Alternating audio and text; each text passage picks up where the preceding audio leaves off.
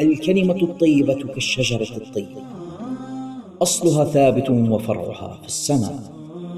تؤتي أكلها كل حين بإذن ربها. هكذا وصفها ربنا سبحانه وتعالى في محكم كتابه العزيز. والكلمة الطيبة صدقة. هكذا وصفها رسولنا الكريم صلى الله عليه وسلم في حديثه الشريف. فلنتفيأ ظلال تلك الشجرة. ولنجني من ثمارها اليانعة علما نافعا وأمرا بالمعروف ونهيا عن المنكر وإصلاحا بين الناس. في بودكاست الكلمة الطيبة مع فضيلة الشيخ عادل عبود يأتيكم من خارج الصندوق للإنتاج الإعلامي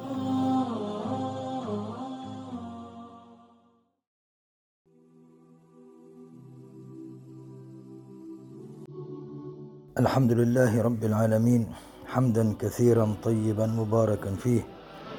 الحمد لله كما يحب ربنا ويرضى وصلى الله وسلم على خير خلقه وخاتم رسله سيدنا محمد صلى الله عليه وعلى آله وعلى جميع إخوانه الأنبياء والمرسلين وعلى آل كل وصحب والملائكة والآئمة وأشياخنا ووالدينا وأهالينا وجيرتنا والمسلمين.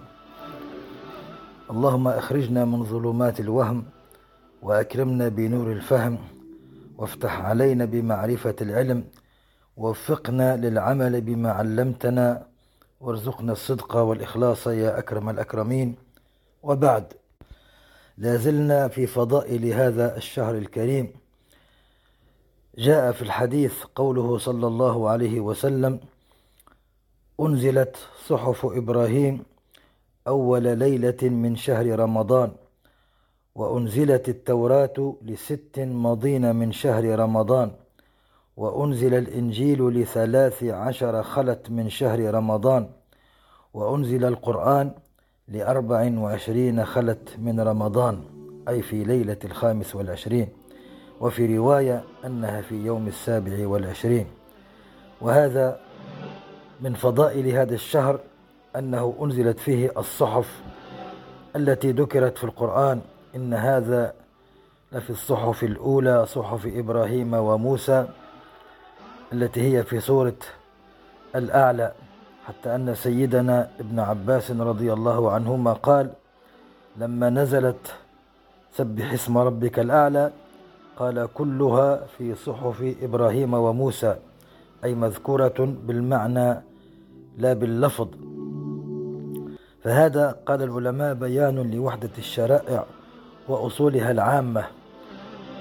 طبعا المعلوم أن جميع الأنبياء من لدن سيدنا آدم أبينا عليه الصلاة والسلام إلى خاتم الأنبياء والمرسلين سيدنا محمد عليهم جميعا أفضل الصلاة وأزكى التسليم.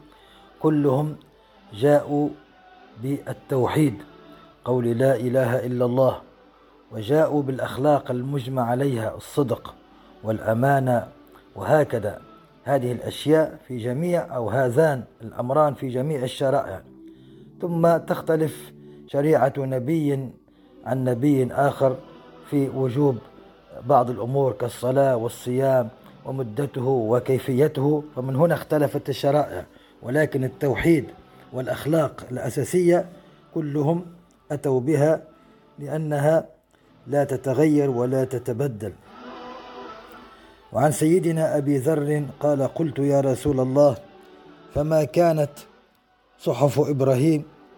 قال كانت أمثالا كلها ومما فيها وعلى العاقل أن يكون له ثلاث ساعات. ساعة يناجي فيها ربه وساعة يحاسب فيها نفسه يفكر فيها في صنع الله عز وجل وساعة يخلو فيها لحاجته من المطعم والمشرب. وعلى العاقل أن يكون بصيرا بزمانه مقبلا على شانه.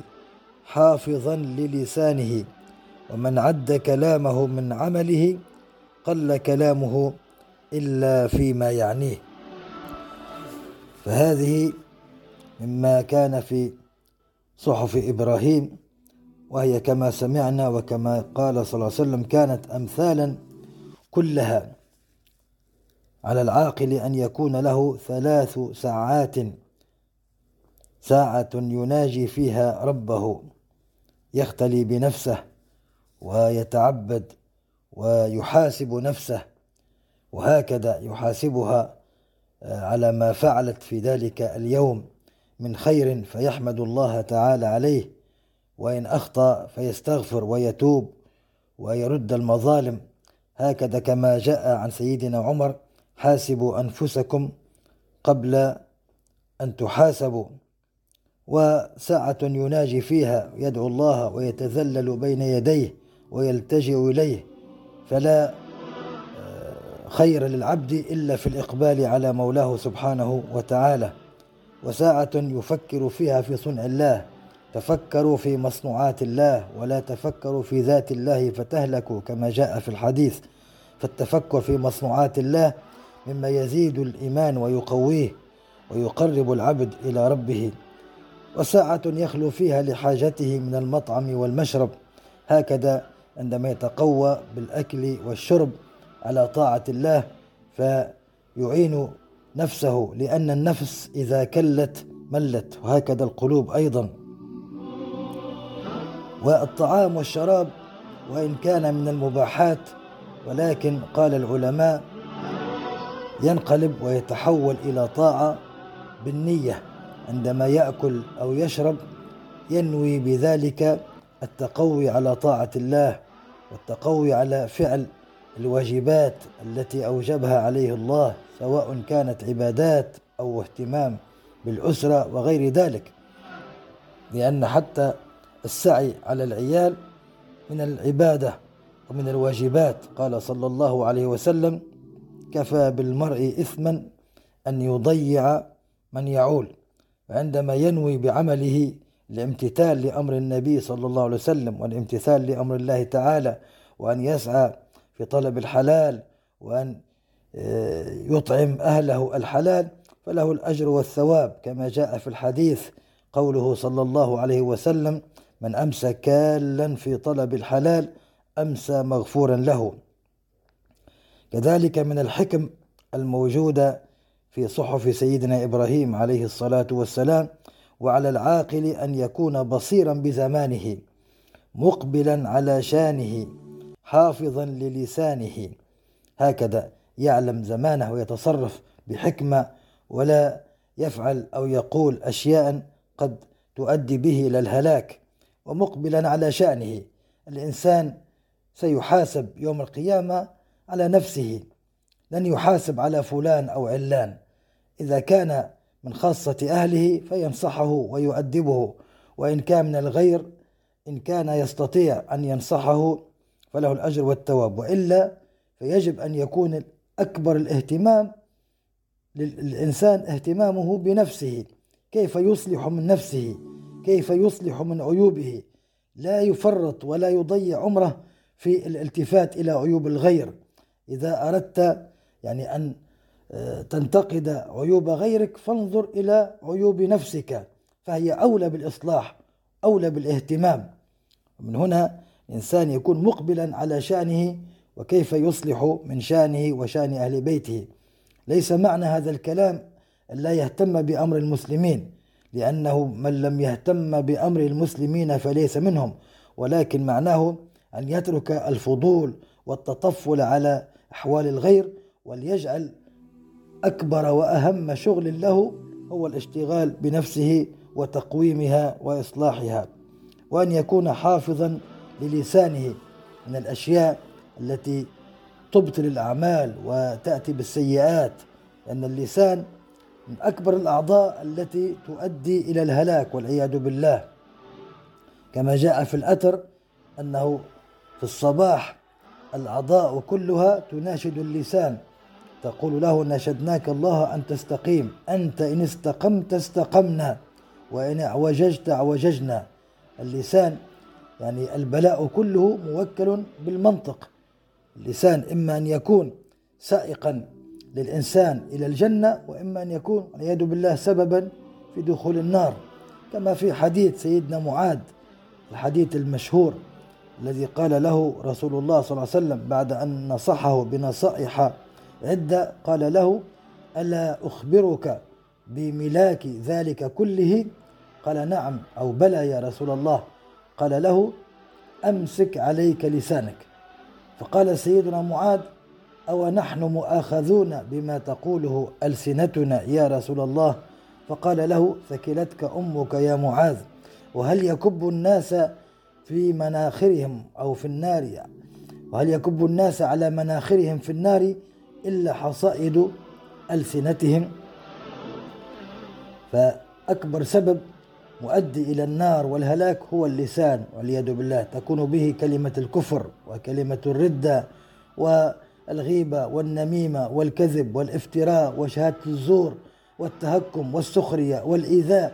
كل هذا بسبب اللسان. أما قوله صلى الله عليه وسلم ثكلتك أمك فهي كلمة تقولها العرب من باب المداعبة ليس على حقيقتها كما قال العلماء. فاللسان من الأشياء التي يجب أن يعتني بها المسلم. جاء في الحديث من حافظ على ما بين لحييه وما بين رجليه دخل الجنة. ما بين اللحيين هو اللسان والرجلين هو الفرج. فعلى العاقل أن يكون حافظا للسانه ومن عد كلامه من عمله من عمله قل كلامه إلا فيما يعنيه. ومن الأحكام التي تتعلق بالصيام من أهمها مفسدات الصوم الأمور التي إذا فعلها الصائم فسد صومه فمنها الجماع ومقدماته. الجماع مفسد للصوم وموجب للقضاء والكفارة إذا كان في رمضان. ومقدماته أيضا إذا كان فيها إخراج المني فتوجب القضاء والكفارة على آه، المدرسة المالكية. وهناك كلام للعلماء في هذه المسألة. أما الجماع فمتفق عليه بين جميع الأئمة على أنه مفطر موجب للقضاء والكفارة. أما الاحتلام نهارا فهو لا يفسد الصوم. احتلام الإنسان نام في النهار في نهار رمضان واحتلم استيقظ وجد نفسه قد احتلم وخرج منه المني فلا قضاء عليه ولا شيء عليه.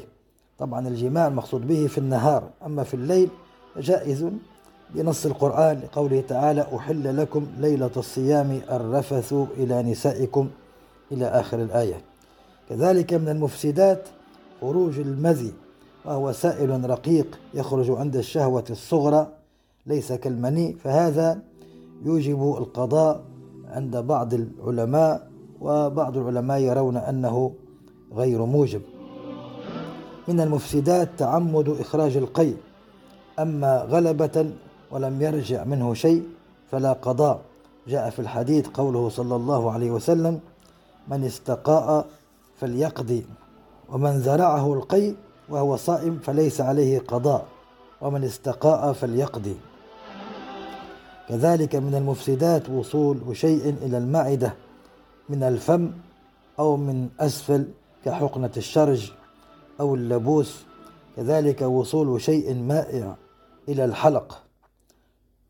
والمتفق عليه إن كان من الفم وصل شيء مائع سائل من السوائل إلى الحلق عن طريق الفم فهو مفسد للصوم بالاتفاق. وهل يوجب القضاء أو القضاء والكفارة إن كان عمدا؟ إن كان غلبة أو نسيانا فيوجب القضاء. وإن كان عمدا فهو أيضا فيه خلاف بين العلماء. أما إن كان عن طريق الأنف أو الأذن أو العين ففيه كلام للعلماء. والذي عليه المدرسة المالكية أن وصول الماء إلى الحلق ولو عن طريق الأنف أو الأذن أو العين فهو مفسد للصوم وعليه القضاء. لقوله صلى الله عليه وسلم بالغ في الاستنشاق إلا أن تكون صائما.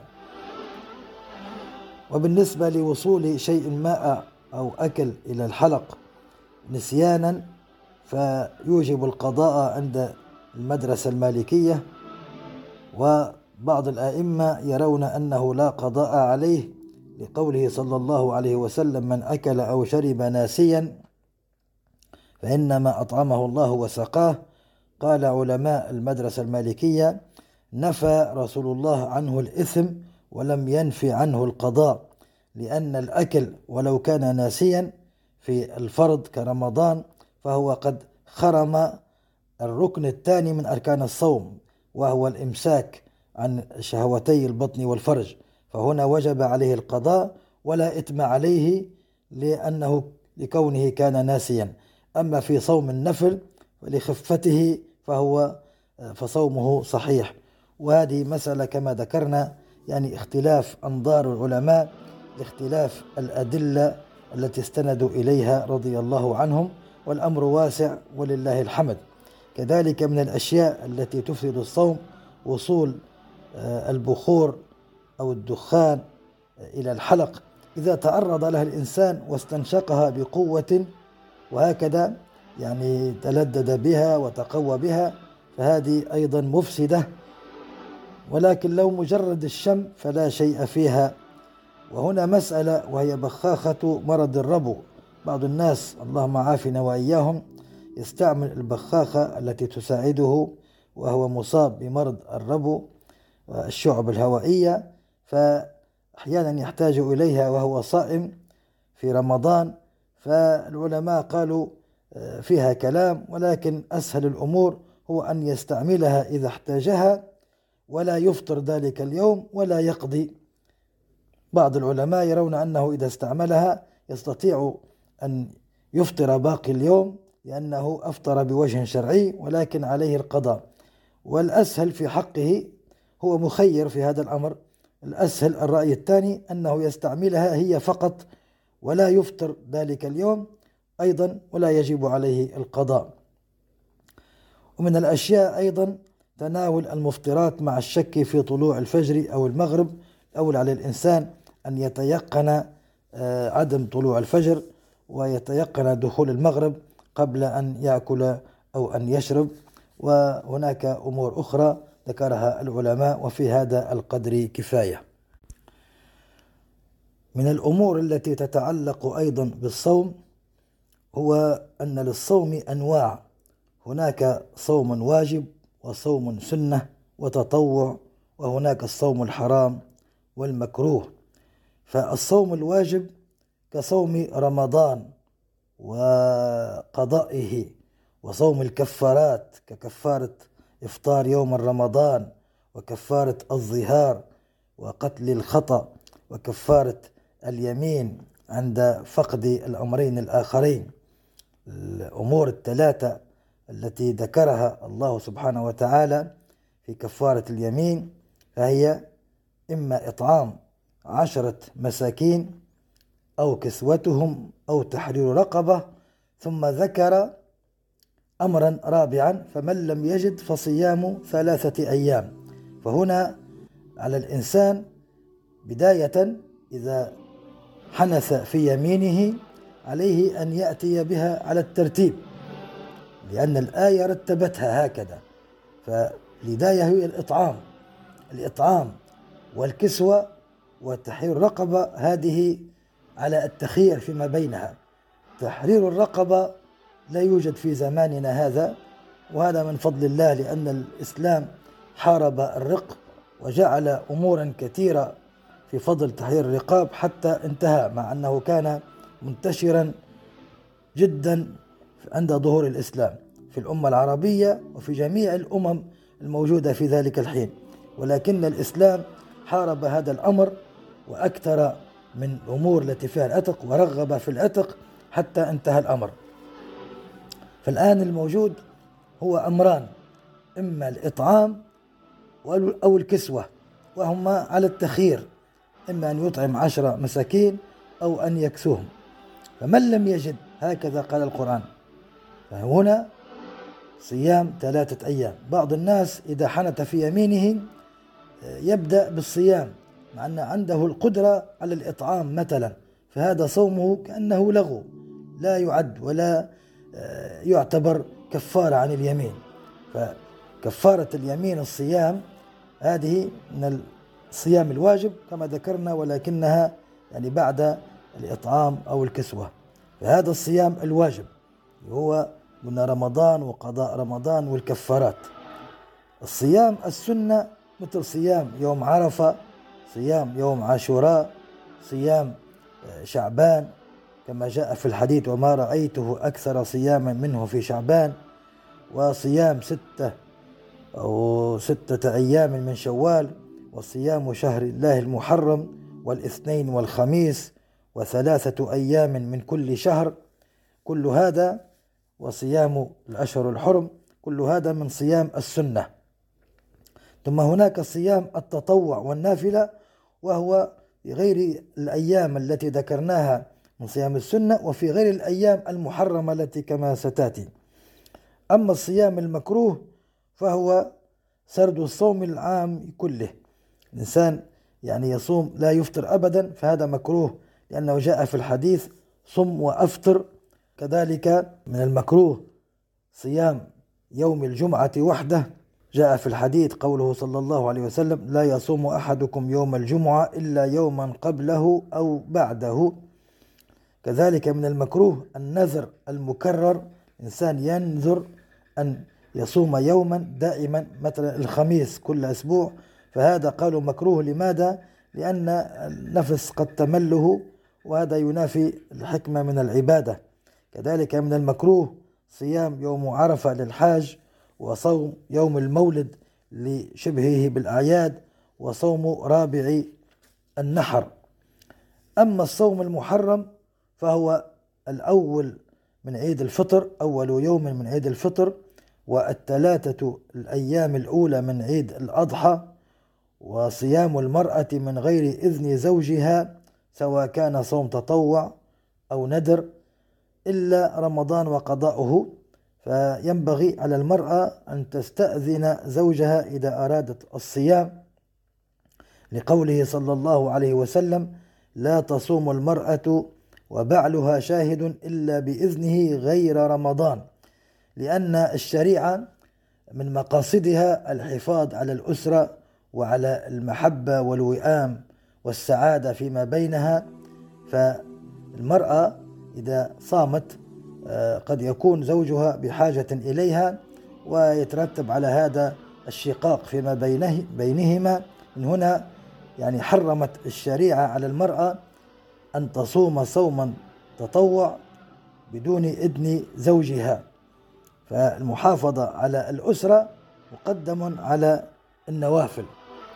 وهذا من الفقه. بعض النساء تجدها آه، تتقرب ببعض النوافل وتترك ما فرض الله عليها من التباعل حسن التباعل لزوجها. وأيضا على الرجال آه، أن يكن آه، في أحسن أخلاق مع نسائهن كما قال صلى الله عليه وسلم خيركم خيركم لأهله وأنا خيركم لأهلي. كذلك من الصوم المحرم صيام الحائض والنفساء. كما سمعنا أن من شروط الوجوب والصحة أن المرأة تكون طاهرة من الحيض والنفاس فالمرأة الحائض أو النفساء لا يجب عليها الصوم ولا يصح منها ولو صامت فقد فعلت إثما. ولو تفطر بالنية إن كانت تستحي أن تأكل شيئا أو غيره أمام الأسرة فتفطر بالنية. كذلك صيام من يخاف على نفسه الهلاك كما ذكرنا أيضا بأن المريض يجوز له الفطر والصوم إن كان آه، يخاف تأخر الشفاء مثلا ولكن لو خاف على نفسه الهلاك أو تعطيل حاسة من حواسه فهنا يجب عليه الفطر. فصيامه يعتبر من الصيام المحرم ويأتم على ذلك. هذه يعني بعض الأحكام ما يتعلق بالصوم وأنواعه. مما يلازم شهر رمضان في العادة أن كثيرا من الناس يذهبون إلى المساجد لأداء الصلوات في الجماعة ويهتمون بهذا الأمر. وهذا آه، من الأشياء العظيمة التي رغب فيها الشرع في رمضان وغيره ولكن تتأكد في رمضان وهو من إعانة الله للمسلمين في هذا الشهر المبارك من تصفيد الشياطين وكثرة فعل الخير. فالمناسبة أن نذكر بعض من آداب المساجد لكي آه، نعلم أو يعلم من يرتادها كيف يتأدب مع بيوت الله. فمن أول هذه الآداب محبة المساجد وتعظيمها. قال تعالى ومن يعظم شعائر الله فإنها من تقوى القلوب وقال سبحانه في بيوت أذن الله أن ترفع ويذكر فيها اسمه فمحبتها وتعظيمها واحترامها والأدب معها من الأمور التي ينبغي أن يتحلى بها المؤمن. ومن تعظيمها التهيؤ بالطهارة والثياب النظيفة اللائقة وتقليم الأظافر وترجيل الشعر والتطيب والسواك. هذا من الأشياء من تعظيم المساجد. بعض الناس من يأتي إلى المسجد بثياب غير لائقة ثياب النوم أو الرياضة مثلا. لا, لا يستطيع ولا يقابل بها بعض الناس ممن يحترمه ويقدره ويأتي بها إلى المسجد فهذا من قلة تعظيم المساجد. كذلك إن كانت في الثياب فيها روائح آه، غير آه، لائقة أيضا. ولهذا جاء في الحديث آه، ما معناه أن من أكل التوم أو البصل فلا يقربن مسجدنا لأنه في رائحة كريهة تؤدي الملائكة وتؤدي المصلين. فالإنسان المؤمن معروف بطهارة ثوبه وبطيب رائحته. ذات مرة كان النبي صلى الله عليه وسلم راجعا من سفر فقال للصحابة قبل أن يدخلوا المدينة قال البسوا أحسن ما عندكم وطيبوا أنفسكم حتى تكونون كأنكم شامة في القوم. هكذا المؤمن يتميز بهندامه وبسمته عن غيره خاصة في بيوت الله. فجاء آه، في قوله تعالى يا بني آدم خذوا زينتكم عند كل مسجد. وهنا جاء التصريح بلفظ المسجد وإن كان المقصود به كما قال العلماء هي عند كل صلاة. وقال صلى الله عليه وسلم من تطهر في بيته ثم مضى إلى بيت من بيوت الله ليقضي فريضة من فرائض الله. كانت خطواته إحداها تحط خطيئة والأخرى ترفع درجة. وأحاديث كثيرة في هذا الشأن مما جاء في آه، الذهاب والاهتمام بالمسجد وببيوت الله بصفة عامة. كذلك من الآداب الدخول بالرجل اليمنى مع الدعاء المشروع والخروج باليسرى. هكذا جاء في السنة الدخول إلى المسجد بالرجل اليمنى. نلاحظ كثيرا من الناس وبعضهم ممن ينتسب إلى العلم ومع هذا لا يهتم بهذه السنة. ومن الأولى أن نحيي هذه السنة. الدخول بالرجل اليمنى تعظيما للمسجد عما خارج المسجد والخروج بالرجل اليسرى والسنة في الدخول إلى بيت الخلاء إلى دورة المياه المكان الذي يقضى تقضى فيه الحاجة. فالدخول بالعكس بالرجل اليسرى والخروج باليمنى بعكس المسجد. أما بيت الإنسان فالسنة الدخول باليمنى والخروج باليمنى. والدعاء المأتور عند الدخول إلى المسجد. بسم الله والصلاة والسلام على رسول الله. اللهم اغفر لي ذنبي وافتح لي أبواب رحمتك. وعند الخروج بسم الله والصلاة والسلام على رسول الله. اللهم افتح لي أبواب فضلك. هذا من أداب الدخول إلى المسجد. كذلك بمجرد الدخول إن كان وقت حل النافلة فيستحب صلاة ركعتي تحية المسجد قبل الجلوس قبل أن يجلس الإنسان. يصلي ركعتي تحية رب المسجد تسمى تحية المسجد. ثم بعد أن يصلي الركعتين إن كان بجواره أناس فيسلم عليهم بصوت منخفض. كذلك على الإنسان أن ينتبه إلى طهارة الجوارب ورائحتها كما ذكرنا حتى لا يؤذي المصلين وحتى لا يبوء بالإثم بدل أن يتحصل على الحسنات يرجع بالسيئات والعياذ بالله. ومن الأمور المهمة عدم تلويث المسجد بالأظافر أو البصاق عند العتبات بل العكس القيام على إزالة ذلك. ذات مرة آه، سيدنا صلى الله عليه وسلم رأى بصاقا في جهة القبلة فمسحه بطرف ثوبه. هكذا تعظيم القبلة وتعظيم المسجد. بعض الناس لما يجلس آه، لحضور مجلس علم أو في أثناء خطبة الجمعة أو الانتظار يبقى يعبث بأظافره وأصابعه ويجعل تلك الآثار التي تركها يبقيها في مكانها. تأتي أنت لتصلي فتجدها إما بقربك وإما في مكان سجودك. فهذه من الأشياء التي هي تعتبر من السيئات تلويت المساجد. كذلك من الأمور التي ينبغي الانتباه إليها هو عدم الجري لإدراك الصلاة. بعض الناس لما يجد الإمام في الركعة الأولى أو يسمع إقامة الصلاة يجري ويهرول وهو يقصد إدراك الصلاة أن يدركها يدرك الركعة الأولى أو التكبيرة الأولى مع الإمام. ولكن جاء في الحديث قوله صلى الله عليه وسلم إذا أتيتم الصلاة فعليكم بالسكينة والوقار ولا تسرعوا فما أدركتم فصلوا وما فاتكم فأتموا. فهنا نهي لا تسرعوا. هذا النهي إما للحرمة وإما للكراهة. الإنسان يأتي آه، بتأن بوقار وإن أراد دائما أن فليأتي متبكر باكرا. كذلك من الأشياء عدم رفع الصوت والتشويش على الناس ولو بالقرآن. بعض الناس من يرفع صوته ويشوش حتى ولو بقراءة القرآن فهو آه، لا يجوز. ذات مرة كان الصحابة رضي الله عنهم يعني يقرؤون القرآن وارتفعت أصواتهم آه، ولم يكونوا يعلمون الحكم فخرج عليهم صلى الله عليه وسلم وقال لا يرفع آه، بعضكم على بعض لا يؤذين بعضكم بعضا. كذلك عدم اللهو بفرقعة الأصابع وغيرها بل يشتغل آه، بالذكر وبالتسبيح تلاوة القرآن. وعدم الاشتغال بأمور الدنيا ككثرة الحديث والبيع والشراء.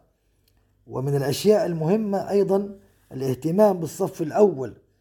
إذا دخل الإنسان ووجد فرجة في الصف الأول فعليه أن يذهب إليها لأن الصف الأول فيه ثواب عظيم. جاء في الحديث إن الله وملائكته يصلون على الصف الأول. فيجب على الإنسان أن لا يهمل هذا الأمر. وعليه أيضا سد الفرج ولو في الصف الثاني أو الثالث. إذا لم يجد مكانا في الصف الأول وشاهد فرجة في الصف الثاني أو الثالث وهكذا فعليه أن يسد هذه الفرجة مع ملاحظة عدم التضييق على الغير لأن التضييق مكروه. بعض الناس من يبالغ في هذا الأمر. تكون هناك فرجة صغيرة جدا لا تسع إنسانا فهو يأتي يقف فيها ويضايق الغير. هو يعتقد أنه يسد فرجة ولكنه آذى غيره. فدائما نلاحظ هذه الأمور ونلاحظ الوسطية لا التنطع. كذلك عدم تخطي الرقاب خاصة في يوم الجمعة. ولا ينازع في المكان ولا يمر أمام مصل من استعجاله. بعض الناس بمجرد سلام الإمام يقوم وهناك بعض المصلين ممن يقضي ما فاته من الركعات فيمر أمامه وهذه فيها حرمة شديدة. كما جاء في الحديث لأن يقف أحدكم أربعين خيرا له من أن يمر أمام مصل.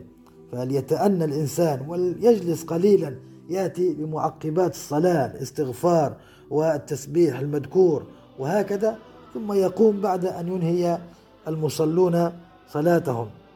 من الأمور أيضا أن ينزه المسجد عن الصبيان الذين يعبثون. بعضهم يأتي بابنه صغير جدا أربع سنوات أو ثلاث سنوات ويعبث في المسجد وأحيانا لا يكلمه ولا يلتفت إليه. فهذا الإثم على الأب ليس على الإبن لأنه غير مكلف. الصبيان قال العلماء لهم حق في المسجد منذ سبع سنوات وعليه أن يؤدب ابنه بآداب المسجد يعلمه إياها في البيت بحيث لا يشوش على الغير ولا يعبث بأتات المسجد ولا يقطع الصفوف ولا يسرع ولا يشغل غيره وهكذا. فيجب الإشراف على الصبيان وتأديبهم كذلك الاهتمام بنظافته وصيانته. قال صلى الله عليه وسلم عرضت علي أجور أمتي حتى القذاة يخرجها الرجل من المسجد. يعني القذاء الشيء البسيط آه، يخرجه الرجل من المسجد آه، بحيث آه، يؤدي المسجد.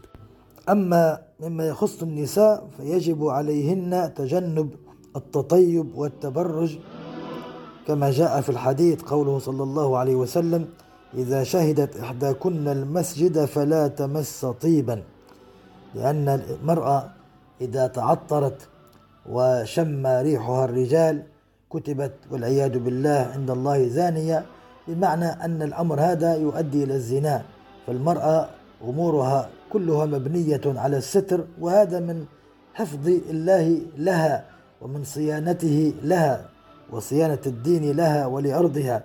فإذا أرادت أن تصلي في المسجد فلا بأس بذلك ولكن لا تتزين ولا تتبرج ولا تتعطر لأنها ذاهبة لأداء عبادة فلا تفسد تلك العبادة بهذه الأمور.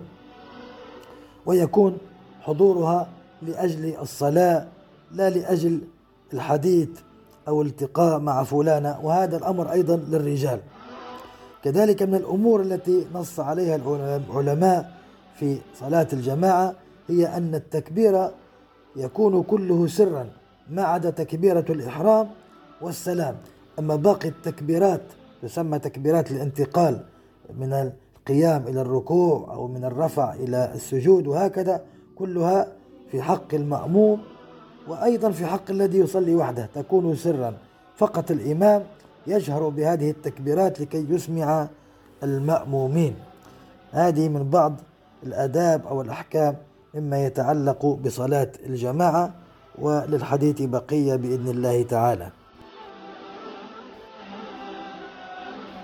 مسك الختام في هذه الكلمات نذكر شيئا مما جاء في شمائل الحبيب المصطفى صلى الله عليه وسلم لكي تزداد معرفتنا به صلى الله عليه وسلم ولكي نتأسى به.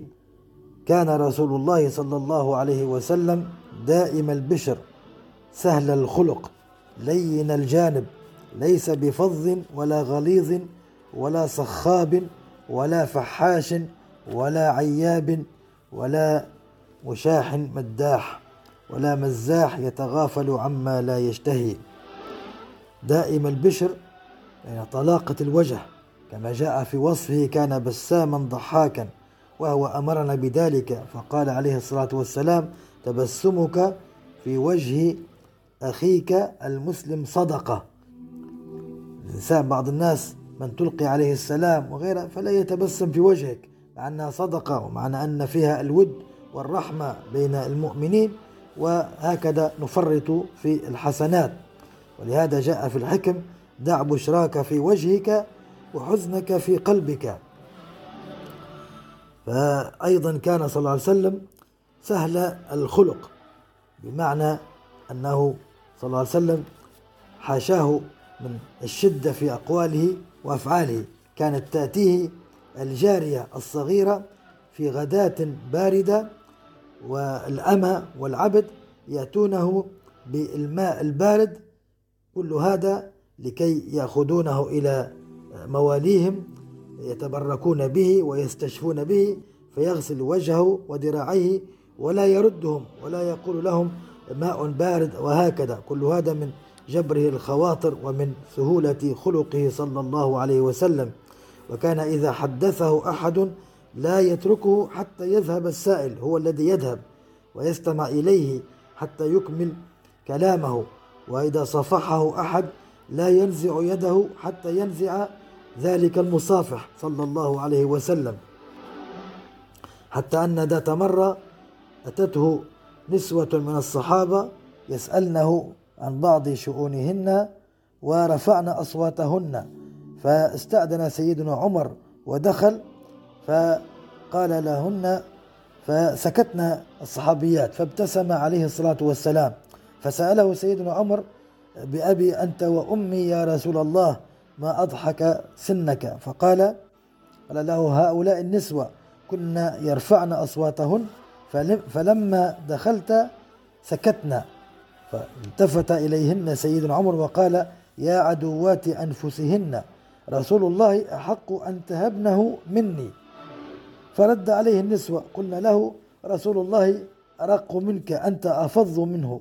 فضحك صلى الله عليه وسلم. قال له إيه لك يا ابن الخطاب؟ ما سلكت فجا إلا سلك الشيطان فجا غيره. وهكذا صلى الله عليه وسلم كان يجبر بخاطر الجميع عليه الصلاة والسلام. وهو أمرنا بهذا فقال خيركم خيركم لأهله. وقال عليه الصلاة والسلام إن من أكمل المؤمنين إيمانا أحسنهم خلقا وألطفهم بأهله. ليس بفظ ولا غليظ ولا صخاب أي في الأسواق. فظ ولا غليظ ليس بالجاف الطبع الشديد القاسي. جاء في الحديث أهل النار كل جبار قبع ثري قالوا ما القبع ثري قال الشديد على الأهل الشديد على الصاحب. كان صلى الله عليه وسلم من حسن خلقه إذا التفت التفت جميعا وإذا أشار أشار بكفه جميعا احتراما لغيره صلى الله عليه وسلم. اللهم صل وسلم وبارك عليه. اللهم يا ربنا اللهم ارزقنا اتباعه ووافقة هديه يا أكرم الأكرمين وارزقنا شفاعته في الدنيا والآخرة. وصلى الله على سيدنا محمد وعلى آله وصحبه وسلم والحمد لله رب العالمين.